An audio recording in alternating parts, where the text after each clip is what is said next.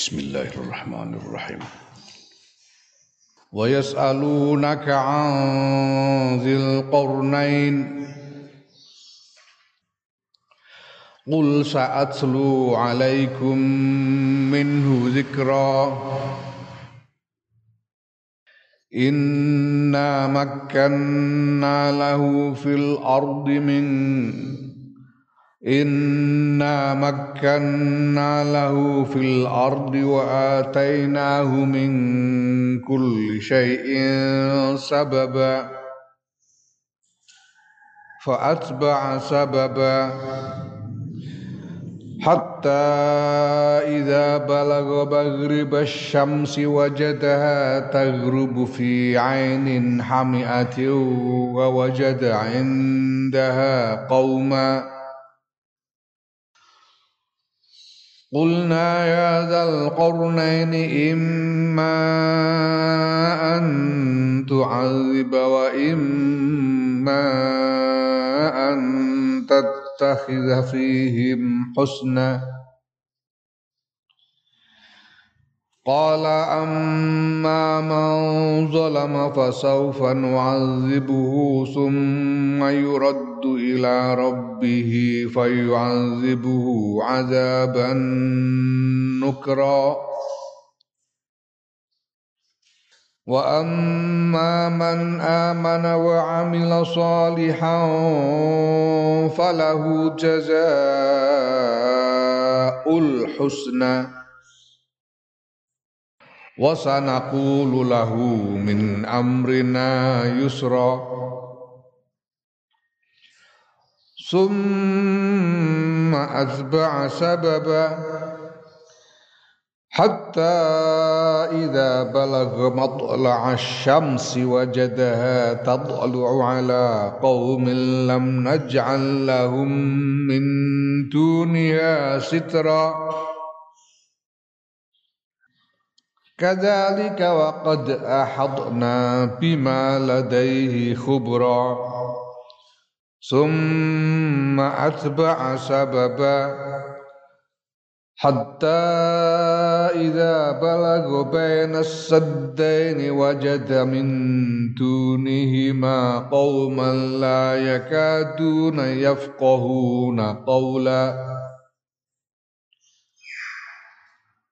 قالوا يا ذا القرنين إن يأجوج مأجوج مفسدين في الأرض. إن يأجوج ومأجوج مفسدون في الأرض فهل نجعل لك خرجا على أن نجعل بيننا وبينهم سدًّا؟ قال ما مكني فيه ربي خير فاعينوني بقوة أجعل بينكم وبينهم ردما آتوني زبر الحديد حتى إذا ساوى بين الصدفين قال انفخوا. حتى إذا جعله نارا قال آتوني أفرغ عليه قطرا. فما استطاعوا أن يظهروه وما استطاعوا له نقبا. قال هذا رحمة من ربي.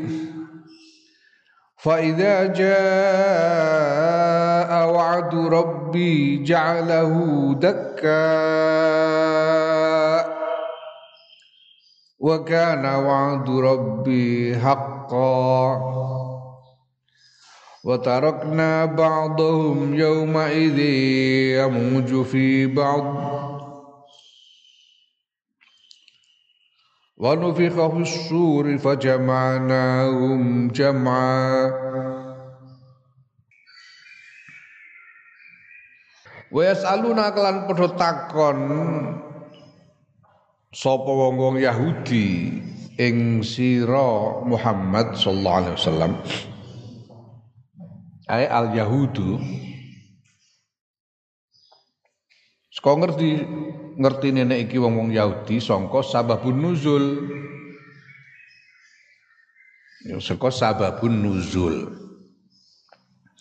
Al-Quran itu diturunkan secara ayat per ayat toh. Ora langsung ketepok. Gendelan sak. Apa sedih sak kitab kono ora. Diwahyukan ayat demi ayat. Nah, mm, apa eh, Maka setiap ayat itu turun di dalam suatu keadaan yang berbeda dari ayat lainnya. Nah, keadaan ketika ayat itu diturunkan, ya, peristiwa yang terkait pada waktu itu itu sering kemudian banyak di antaranya dipahami sebagai sebab turunnya ayat. Kenapa ayat ini turun? Karena ada peristiwa ini. Karena terkait dengan keadaan ini. Itu jenenge sababun nuzul, sababu nuzulil ayat. Nah dari situ diketahui maksud dari ayat itu sendiri. Jadi sababun nuzul itu penting, sangat penting untuk memahami apa sebetulnya maksud dari ayat itu. Koyok iki Wa yas'alunaka wa yas'alunaka iki Yas'aluna iku faile domir sing rujuke nek mbok goleki nang ayat sadurunge ya ora ketemu di Sadurunge kan orang ngerebut eh, percakapan Kanjeng Nabi karo wong Yahudi. Ora ana. Dias aluna iku sapa sing dimaksud dari sababun nuzul bisa diketahui bahwa yang dimaksud yas aluna iku fa'ile iku rujuk marang Yahudi. Padha takon sapa wong Yahudi ing sira Muhammad sallallahu alaihi wasallam anzil qarnaini saking ceritane raja Zilqarnain. Ana raja sing dijuluki Zilqarnain, pemilik dua tanduk. Pemilik dua tanduk Iki julukan Dzulqarnain iku. Ismuhu utawi asmane Dzulqarnain iku Al Iskandaru Iskandar. Walam yakun lan ora ana sapa Iskandar ku nabiyan nabi iki dudu nabi ki raja. Nah, mungkin kisah tentang Zulkarnain ini menjadi bahan percakapan karena kehebatan capaian kehebatan prestasi Dzulkarnain dalam sejarah dalam hal melakukan penaklukan-penaklukan dan meninggalkan jejak-jejak peradaban di berbagai tempat yang dia taklukkan. Ini sehingga dia menjadi tokoh yang terkenal sekali sepanjang sejarah. Terkenal sekali. Kita tahu bahwa kanjeng Nabi iki risalah kajian Nabi itu berlangsung sekitar awal abad ke-7 Masehi. Awal abad ke-7 Masehi, ya. Sementara Iskandar Dzulqarnain itu menurut berbagai catatan sejarah, dia hidup pada sekitar abad ketiga dan keempat Masehi. Antara abad mungkin akhir abad ketiga, tapi banyak sumber mengatakan di awal abad keempat Masehi. Eh, sorry, awal akhir abad keempat, akhir abad keempat sebelum Masehi. Itu ya Ki. Sebelum Masehi ini abad keempat sebelum Masehi itu berarti eh, 400 tahun sebelum Masehi. Ya, Kanjeng Nabi itu awal abad ketujuh Masehi. Abad ketujuh Masehi. Berarti sekitar 600 700 tahun. Hampir seribu tahun. Jadi masa Iskandar Dzulqarnain itu apa namanya eh, kejayaan Iskandar Dzulqarnain itu terjadi hampir seribu tahun sebelum zamannya Kanjeng Nabi Muhammad Sallallahu Alaihi Wasallam. Tapi toh ini masih menjadi pembicaraan karena kedahsyatan eh, sejarah tentang Iskandar Durkornain ini. Kan saya ini terkenal banget. Alexander the Great. Nah, kenapa dijuluki Zulkarnain mempunyai dua tanduk? Karena dia menaklukkan wilayah yang begitu luas, yang apa hanya bisa di satu-satunya kerajaan yang melebihi, yang luasnya melebihi wilayah yang ditaklukkan oleh Iskandar Dzulkarnain ini hanya Turki Utsmani.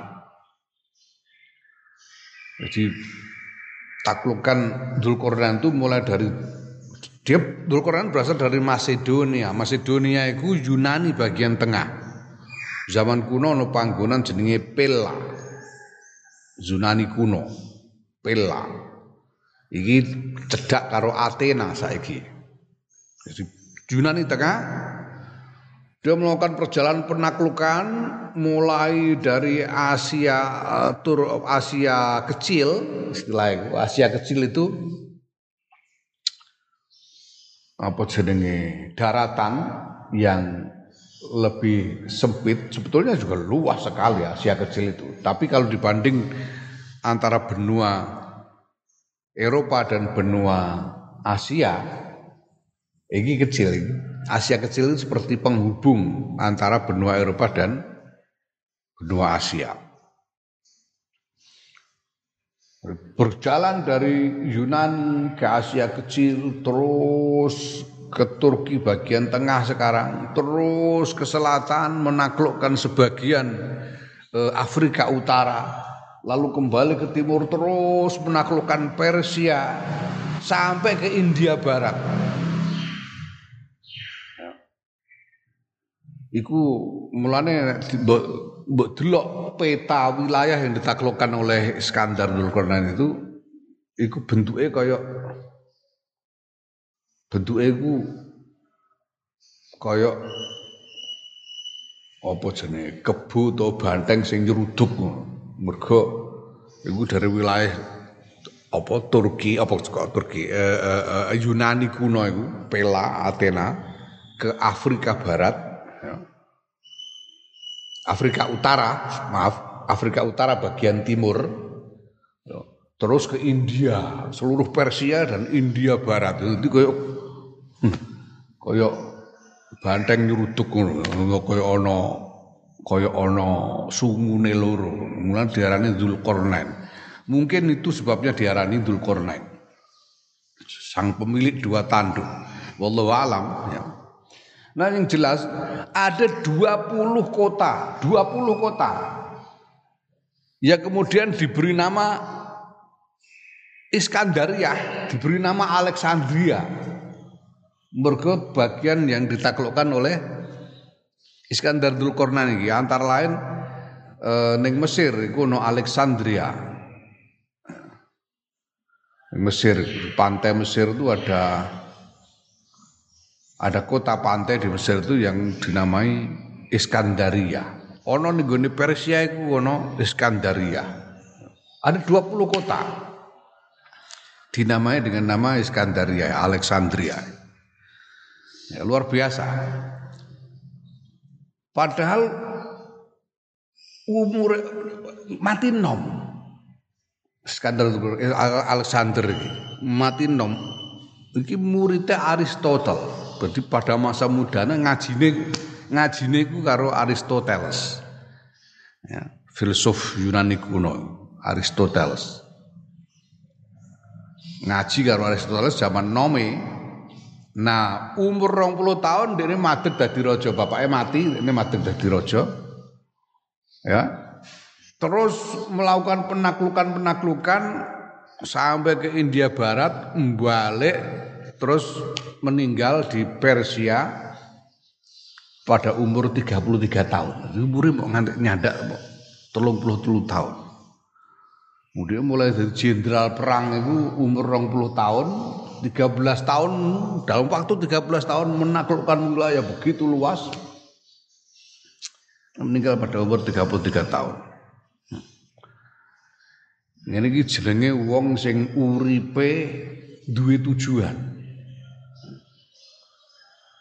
Kenapa? Karena Iskandar Dzulkarnain ini punya visi untuk membangun peradaban yang berskala dunia membangun peradaban ber, berskala dunia dengan menaklukkan uh, wilayah yang luas sekali. Berarti telulas tahun niku ora ono sing dilakoni melakukan penaklukan-penaklukan ini untuk membangun peradaban yang berskala dunia. Maka di setiap wilayah yang dia taklukkan itu dia meninggalkan jejak peradaban, meninggalkan meninggalkan jejak budaya. Ya, nah jejak budaya itu apa kira-kira? Jejak budaya itu adalah cara berpikir yang dipengaruhi dipengaruhi oleh pemikiran-pemikiran dari Aristoteles. Mulane zaman Abbasiyah itu zaman Kesultanan Abbasiyah tiba-tiba Sultan Sopo itu zaman Sultan Sopo ya. Pokoknya kemudian ada kebijakan Sultan untuk menerjemahkan karya-karya Yunani, filsafat Yunani secara besar-besaran. Dari mana taunya? Wong iki Abbasiyah itu nenggone Kufah, nenggone wilayah Irak saiki. Sementara Yunani itu jauh di sana harus menyeberang Turki baru sampai ke Yunani. Lah kok gagas?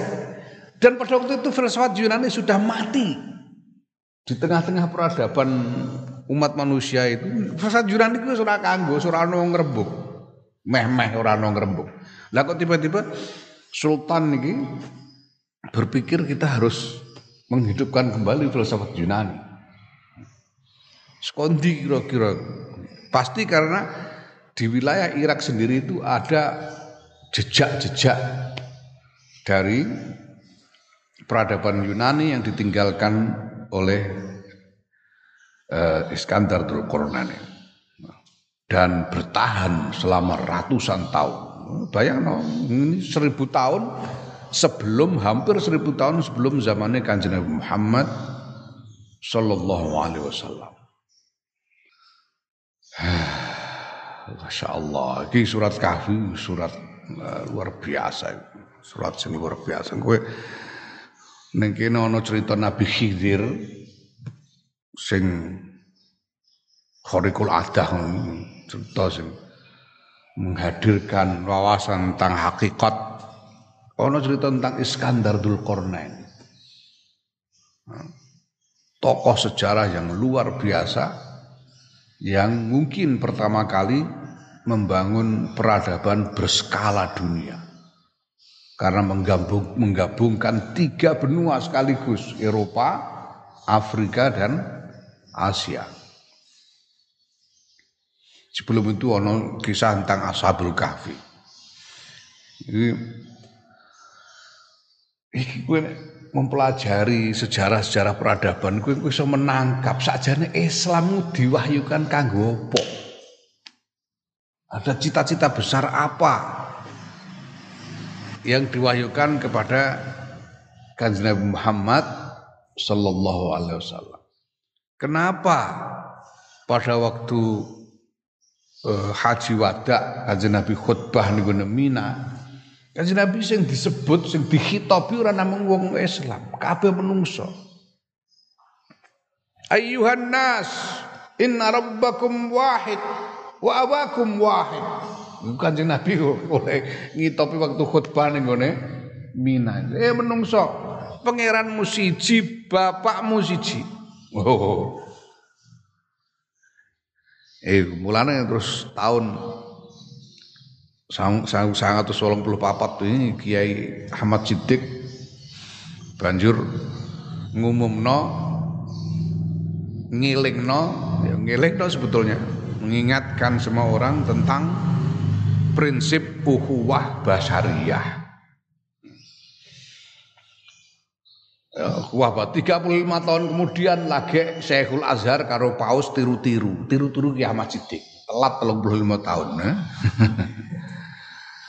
Semulane sing berhak mimpin dunia hari ini Nahdlatul Ulama ngono ae wis ora usah kakean.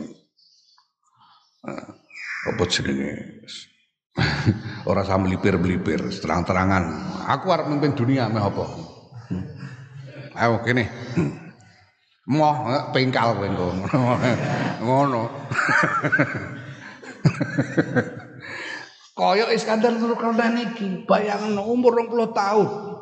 Menghabiskan 13 tahun. Kan walaupun kemudian harus sakit dan meninggal dalam usia muda. Tapi membuat capaian begitu besar. Pirang-pirang wong urip ngadek tuyuk-tuyuk ora ngasil apa-apa. Lomat, lamet ya. ngongan mangan saben dina ora jelas prestasine ora ana warisan. Iki urip wong urip 33 tahun nom banget. Mewariskan warisan peradaban yang luar biasa. Ya kudu ngono. Semangat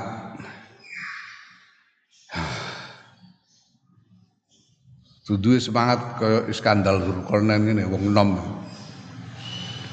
Ya. Allah.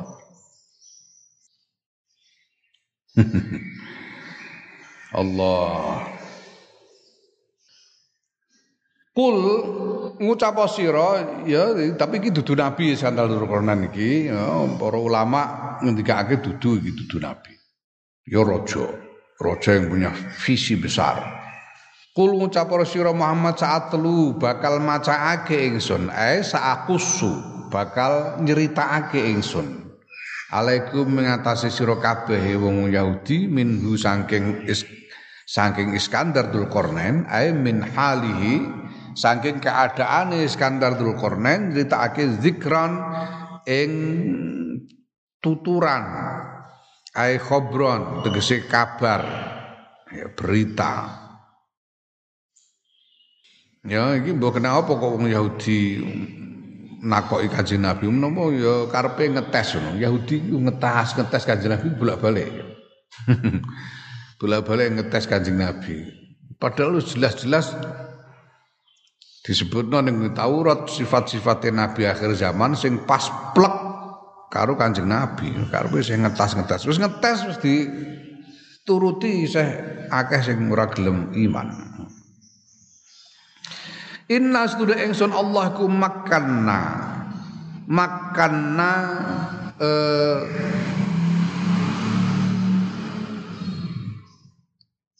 dadekake mampu eh kiai kiai kuno biasanya nek maknane ngongangake ngongangake bocah generasi milenial iso bingung krungu ngangake kok karo gak ngerti. Ngangake ku ndadekake mampu. Mampu artinya ya iku mau Gusti Allah iku menjadikan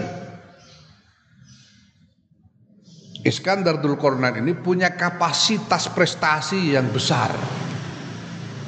Makan naik.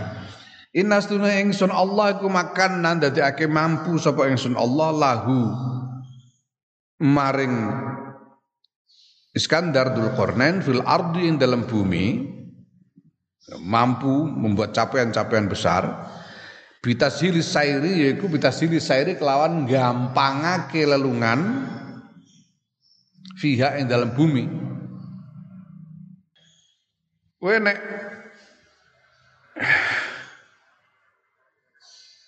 Zaman saiki numpak pesawat saka Athena tekan Karachi kono wer kono ae paling-paling berang jam. Paling suwe 8 10 jam. Mbok menawa jarak saiki. Tapi bayar zaman semono dan jalan darat. Bahwa itu ditempuh selama 13 tahun dengan membawa ratusan ribu pasukan perang. Itu luar biasa jalan darat loh. Melaku seko Pela Yunani kono menyisir pantai ya melalui uh, Asia kecil terus terus ke Turki bagian tengah terus ke Afrika Utara ini Luar biasa 13 tahun. Nek ora digampangno karo Gusti Allah wis mustahil. Mustahil. Zaman semono, eh, ora kok terus numpak Alphard lewat jalan tol kan ora zaman semono piye lho. Nggawa pasukan jumlah puluhan ribu pasukan perang. Luar biasa, luar biasa. Wa atainahu lan marangake sapa ingsun Allahu ing Iskandar Dzulqarnain min kulli syai'in saing saben-saben suwiji yaiku yahtaju kang saben-saben suwiji yahtaju kang butuhake sapa Iskandar ilahi maring syek sababan ing dalan ai tariqon dalan bi, bi waslihi kelawan ya, ya, dalan uh, yusilhu kang nekaake apa tarik hu ing Iskandar Durqanen ila muradi maring tujuane Iskandar Durqanen maring kang den karepake dening Iskandar Durqanen Angger butuh apa-apa iku ana edalane ya. Karo Gusti Allah iku diparingi gampang edalane. Piye to Masya Allah? Kowe uripmu dhewe iku mbok angen-angen. Uripmu pira kekarepanmu sing ora keturutan lan pira sing keturutan? Pirang-pirang kowe kekarepan jane ora patek ora patek abot iku ya angel ana ae alangane Tapi pirang-pirang kekarepan sing abot kok gampang Waku biyen kepengin dari dadi DPR kok ono alangane cuwegati mbek Gus Dur kanthi ora iso dadi DPR tenan. Eh? Lah bareng ngono bareng duwe karep kepengin dadi tokoh internasional kok gampang temen. Wer wer wer wer gua tenan gampang ora karuan ujug-ujug ono wong kenal ngene ngene gua mong saya bayangno Angel loh. Aku aku kuat kawitane mau ngintil lek mos itu tahun 2011 itu ngintil lek mos. Wong lek mos cerita aku nang Eropa. Asale ora roh apa-apa. Aku derek lek aku anggere ngono. Dijak ambek lek Dijak ambek lek mos 2011. Sembilan tahun yang lalu, nek dipikir kok aku saiki dadi ngene. Ini nyaris Ya, iki nek ora Gusti Allah gampangno ora mungkin. Gusti Allah nek kadung gampangno ku masyaallah. Masyaallah. War war war war. Ya. Apa sing nyono? Biyen niku ora ana wong nyono, wong sing nyono Joko Widodo iso dadi presiden ora sing nyono. Sapa sing nyono jejal saiki tahun 2013 eh tahun 2018 tahun 2018 iku sing nyono nek arep ana wakil presiden jenenge Kiai Ma'ruf Amin sapa sing nyono gak ono Hmm. Kok moro-moro dadi pekutuk ngono dadi. Iki mergo digampangno dening Gusti Allah. Sing kepengin pres, dadi presiden kae tahun 99 ora kasil-kasil kanthi sepede. Eh? Amin Rais. Hmm? Ora kasil-kasil nganti sepede. La ilaha illallah ora digampangno.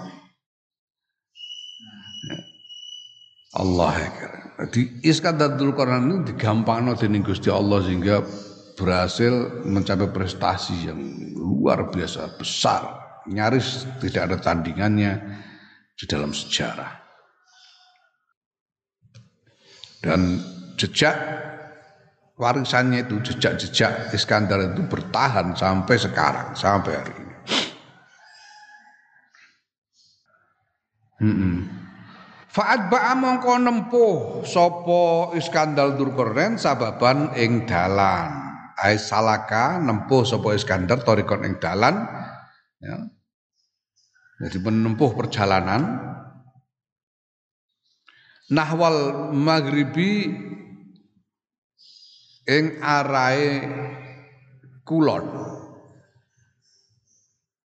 Maghrib. Arahe eh, surupe srengenge. Ya walaupun ya ini kan sing diceritake ning Quran tidak bukan seluruh, bukan keseluruhan perjalanan secara rinci dari awal sampai akhir toh. Nek didelok mulainya perjalanan Iskandar Durkonen itu seko seko seko Pella di Yunani tengah itu ya ngetan dhisik, ngetan dhisik terus ngidul ngalor neh sithik terus ngidul neh. Iku ning Turki bagian tengah saiki iku. Ngidul neh tekan pantai Afrika Utara baru ngulon ngulon. Ngantek tekan mungkin saiki daerah sekitar Libya sebelah barat Mesir balik wit ngetan meneh. Nah iki iki sing diceritakno iku mulai dari mana? Belum tentu mulai dari awal perjalanan dari Pela belum tentu ya. Mungkin diceritakan ya kita tidak pernah tahu nih kini orang dirincikan kok. Memang tidak perlu dibuat rinci karena tidak banyak gunanya juga buat kita untuk mengetahui rincian dari sejarah ini. Karena yang kita butuhkan adalah memahami makna makna besarnya. Ya. Mana biyen niku kaya sadurunge iki cerita tentang Iskandar Durkonen ku rasa di rasa menemen-nemen oleh ngrembug rinciane ngono. Iku sakjane Ashabul Kahfi iku, eh cerita tentang Ashabul Kahfi kan ngono, ora usah mbok perdebatan sing nemen-nemen. Wonge iku ana wong lima, apa wong pitu, apa wong telu, ora usah nemen-nemen. Mergo rincian itu sebenarnya tidak terlalu penting. Yang penting itu makna dari kisahnya. Demikian juga skandal Durkornan ini. Nah dalam perjalanan itu skandal Durkornan dalam perjalanan penaklukan-penaklukan itu pada satu eh, sekuen pada satu bagian dari perjalanan itu Iskandar melakukan perjalanan ke arah barat berjalan ke arah barat hatta idza balagha sehingga nalikan tumeka sapa Iskandar Dzulqarnain maghrib syamsi enggon sumurupe srengenge tempat terbenamnya matahari ay maudhi'a ghurubiha panggonan surupe srengenge wajada nemu tegese ndelok ndelok sapa Iskandar Dzulqarnain ha ing srengenge iku tagrubu surup apa srengenge fi ainin ing dalem mata air hamiatin kang berlumpur kang ana lumpure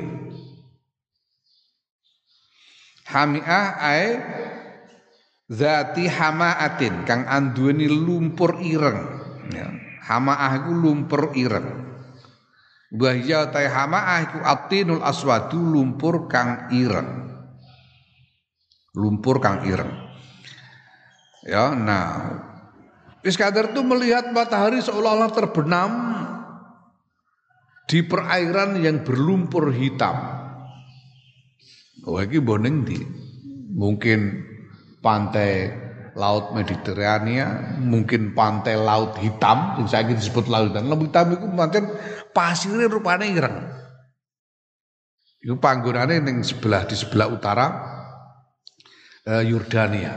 Itu danau tidak kalau tidak terlalu besar dibanding misalnya laut Kaspia atau laut Mati tidak terlalu besar laut hitam sebelah utara Yordania. Ya. Mungkin itu karena memang lumpurnya ireng. Apa jadi pasir rupanya ireng tapi jari ini bermanfaat untuk kesehatan.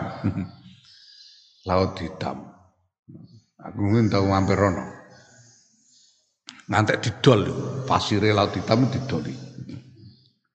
Ning daerah wisata. Wis didol ning wisatawan. Nah ini wallahu alam ora disebut dan kita juga nggak perlu tahu. Gak ngerti gak apa-apa lah. Siapangannya orang tadi pitakon kubur ya. Orang termasuk rukun iman nanti ya Seolah-olah tenggelam di perairan yang berlumpur hitam. Nah, neng kene ditegaskan bahwa ya wa guru buah utawi utawi surupe srengenge fil aini ing dalam mata air iku fi ra'yil aidi ing dalam peningale mripat didelok anggo mripat seolah-olah seperti tenggelam di perairan yang berlumpur hitam mau ya jadi ora kok hakikat, ora kok hakikate srengenge iku tenggelam di perairan ngono ya ora. Iki penglihatan mata.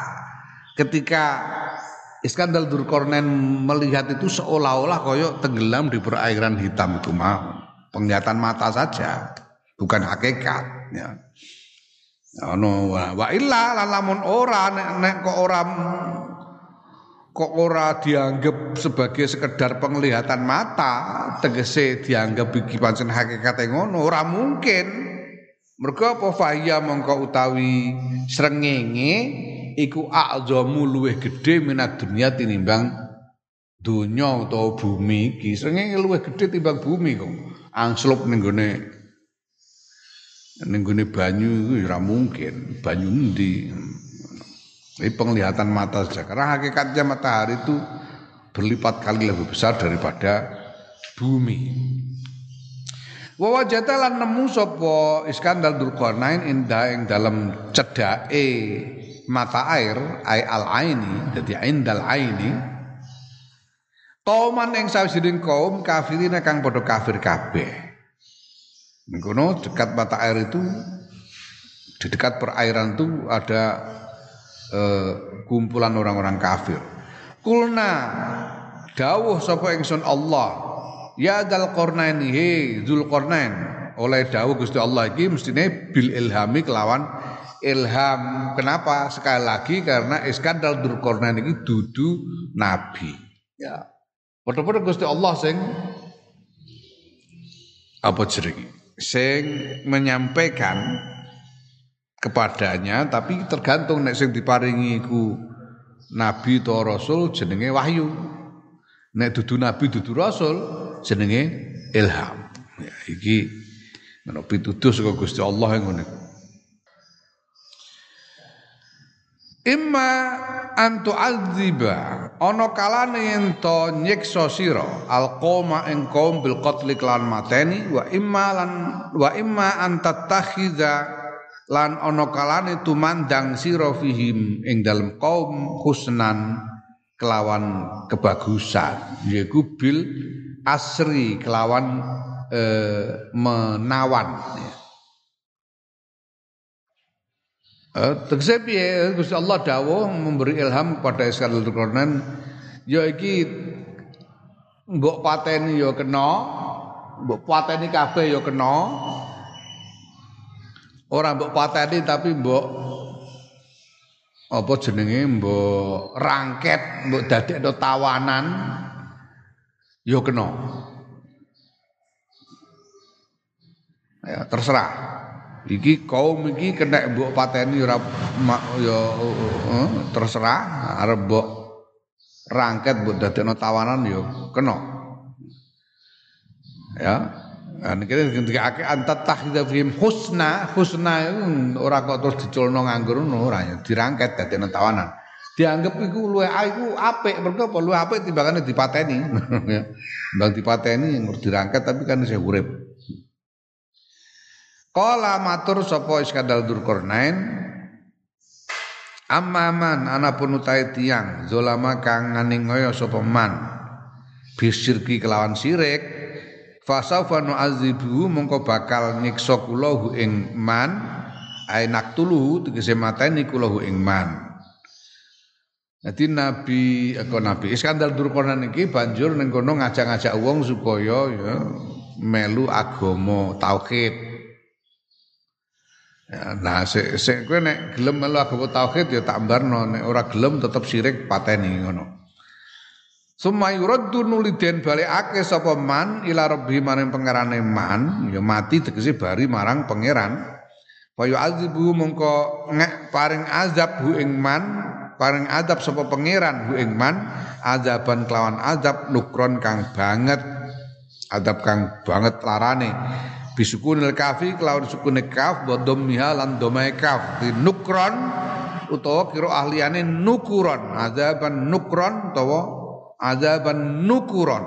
Manane syadidan. Adab kang banget. Finnari ing dalam neraka. Wa amman anapun utawi tiang amanah kang iman sapa man wa amilalan ngamal sapa man solihan ing ngamal soleh falahu mongko niku tetep kedue man jazaul husna utawi ganjaran sae ganjaran dadi oleh maca ana sing maca jazaul husna ana sing maca jazaanil husna kowe eh ngaji Pak Hatip ini piye? Jazaanil husna ngono ya. Jazaanil husna. Kira ahliane oleh maca jazaul husna. Ae al jannatu tegese swarga. Ya wal idhofatu tawi idhofah mudhofe jazaul husna iku lil bayani krana bayan. Dadi ganjaran yaiku kebagusan yaiku kang luwe apik jazaul husna ganjaran yaiku kang luwe apik Nawa fikiraatin binas bijazaan kelawan nasabe jazaan. Nasabe jazaan nanti jazaan al husna. Falahu jazaan al husna. Ya. Nah, nek diwaca ya Nek diwaca nasab ya kelawan rob nasab wa tanwinihi lan tanwine jazaan. Dadi ora ora dimudhofno. Ora kok jaza al husna ngono ora jazaan al husna. Mulane nek diwasa banjur ana nune dikasra. Jazaanil husna. Tanwin. Kala ngendika sapa Al-Farra Imam Al-Farra wa nasbu nasabi jazaan iku alat tafsiri ing ngatasé dadi tafsir tegese dadi tamyiz dadi tamyiz. Tafsir iku tamyiz. Dadi piye oleh mana mana ni falau mongko iku tetep kudu man apane jazaan ganjarane? Ya. Al husna utawi kebagusan.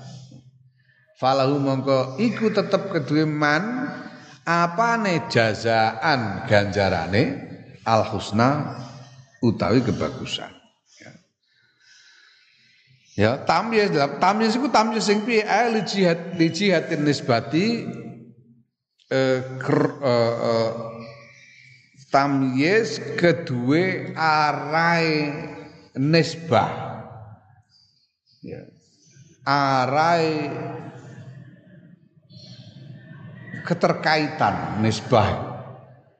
Yaitu keterkaitan antara khobar yang muqaddam dengan mubtada muakhor lahu al husna falahu al husna lah Dene kok untuk kebagusan ini men, apa sebagai apa? Jazaan sebagai ganjaran.